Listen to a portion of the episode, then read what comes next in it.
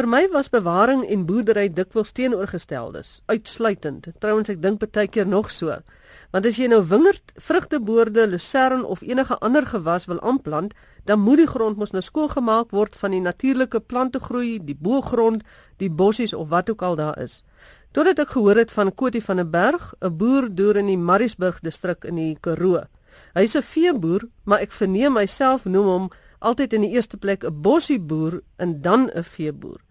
So ek gesels vandag met Kotie oor bewaring en boerdery en om uit te vind hoe hierdie twee dinge eintlik in dieselfde rigting kan trek. Ek Kotie, jy moet nou vir ons sê hoe dit kan gebeur. Maar ek wil net voor ons verder gesels, jy het die Pieter Edwards toekenning gekry as die beste bewaringsboer in die Wes-Kaap.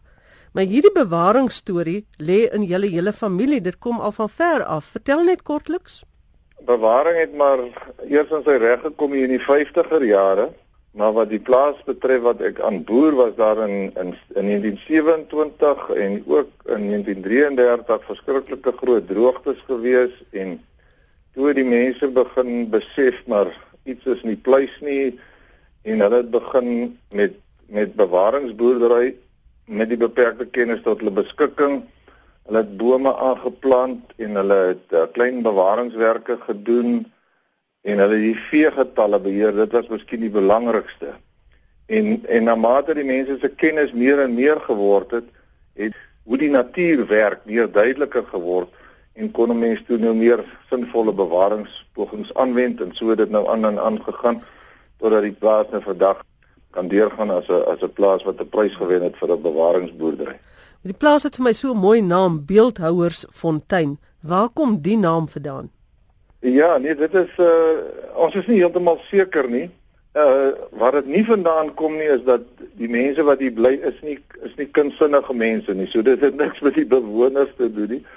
Daar die plaas was eers soort van 'n veepos van 'n ander aanliggende plaas en die die storie is dat die en dit was in die tyd van die van die perde en die osse wat as trekdiere gebruik word en die een os het 'n voorliefde gehad om weg te loop na die fontein waar hierdie plaas op aangelê is en die os se naam was Beeldhouer en so het het die plaas toe die naam gekry van Beeldhouersfontein want Beeldhouers Beeldhouer die os Beeldhouer het altyd weggeloop na die betrokke fontein toe Nou kom ons kom terug na bewaring en boerdery. Soos jy ook gesê het, jy's 'n veeboer. Nou op julle plaas is daar nou sê maar grasveld en fynbos. Die topografie wissel baie. Hoe boer jy nou sonder om die omgewing te skend? Ek moet nou eintlik my my aanvanklike woord gestaan doen waar waar jy gesê het ek is 'n bossie boer. So ek is eintlik 'n bossie en 'n grasboer. Ek dink bewaring begin ons moet eers kyk na die na die onvervangbare dinge in die bewaring of in die natuurlike opset en dit is dat uh grond as hy weg is, as hy gespoel het, weggewaai het en so, dan is hy verlore. So in die eerste instansie moet 'n mens probeer om die grond te bewaar, want dan kan jy altyd die veld, die plante groei wat daar is op weer uh wat daar op was en miskien nie nou daar is nie weer kan mens dit weer rehabiliteer. Jy kan dit weer probeer regkry.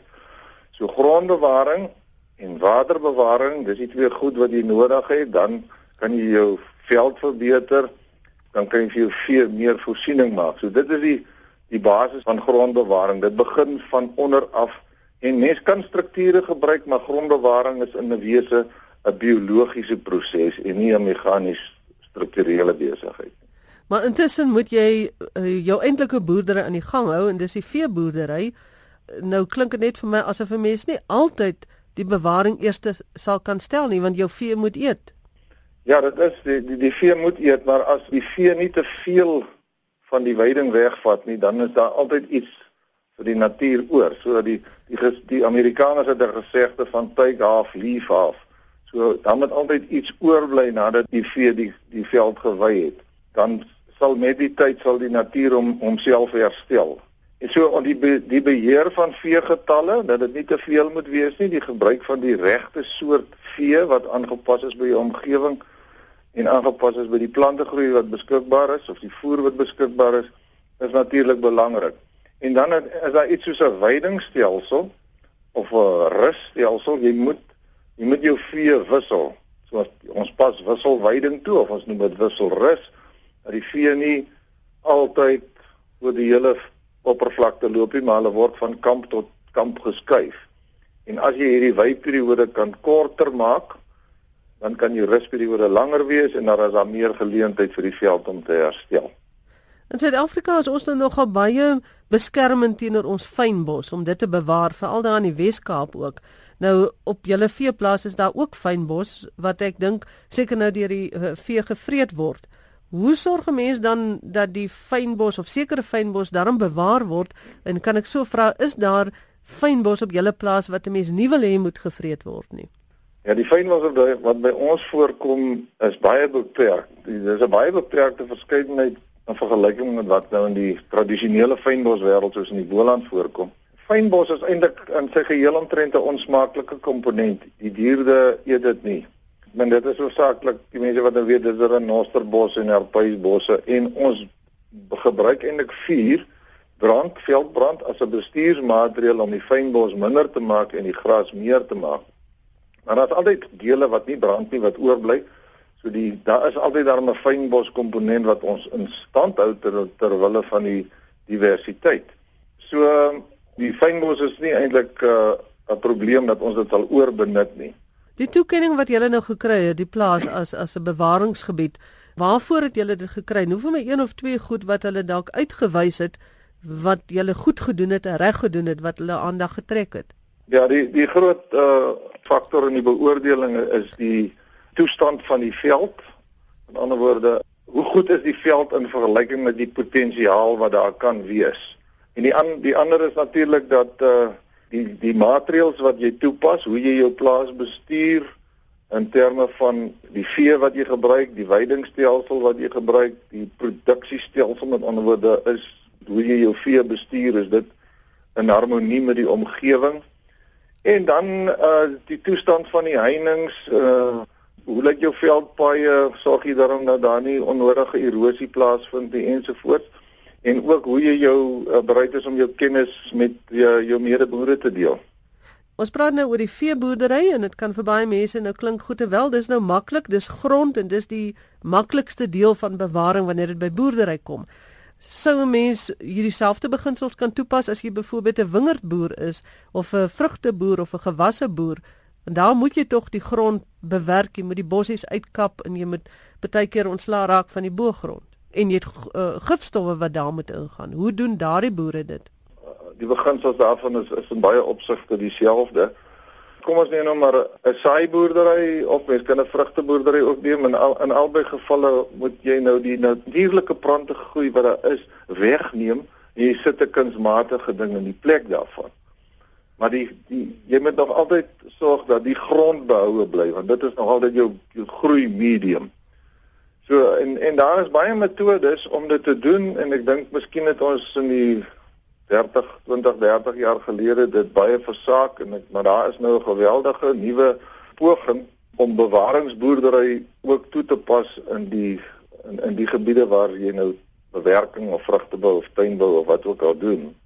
En die mense kyk hoofsaaklik na die toestand van die grond in die in die in die graandele is daar nou groot nuwe ontwikkeling op die gebied van sogenaamde beperkte bewerking of geen bewerking, min bewerking of geen bewerking en die mense kyk veral na die toestand van die grond, die hoeveelheid koolstof, die hoeveelheid organiese materiaal wat die grond is. Hulle probeer ook soveel as moontlik uh organiese materiaal bo op die grondoppervlakte los.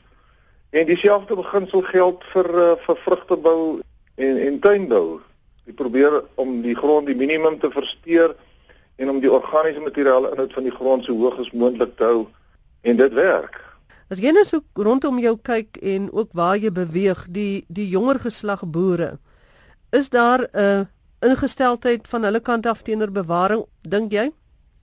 Ja, ek ek ek dink beslis so. Ek het nou nie met vreeslik baie jong mense te doen nie en ons het op die oomblik dink ek so 'n bietjie skaars staan jong boere in die Karoo hier's nou so 'n nuwe nuwe vlaggie in Mariesburg in ehm uh, gekom ek dink die mense is bewus daarvan hulle hulle het moderne tegnologie wat hulle beter onder die knie het as ons en ek ek dink hulle pas dit toe wat in my lewe gebeur het is ek het ek het saam met dit gegroei soort van en ek dink daar is uh, baie potensiaal vorentoe en en 'n mens moet ook nie net bewaring sien as 'n ding wat net in landbou kan gebeur nie. Dit dit gebeur oral. Dit dit kan selfs in die stad. Elke persoon, selfs die ou wat in 'n wil ek nou sê daar nie in die woonstel in Johannesburg bly, hy kan ook bewaring toepas net op 'n ander manier.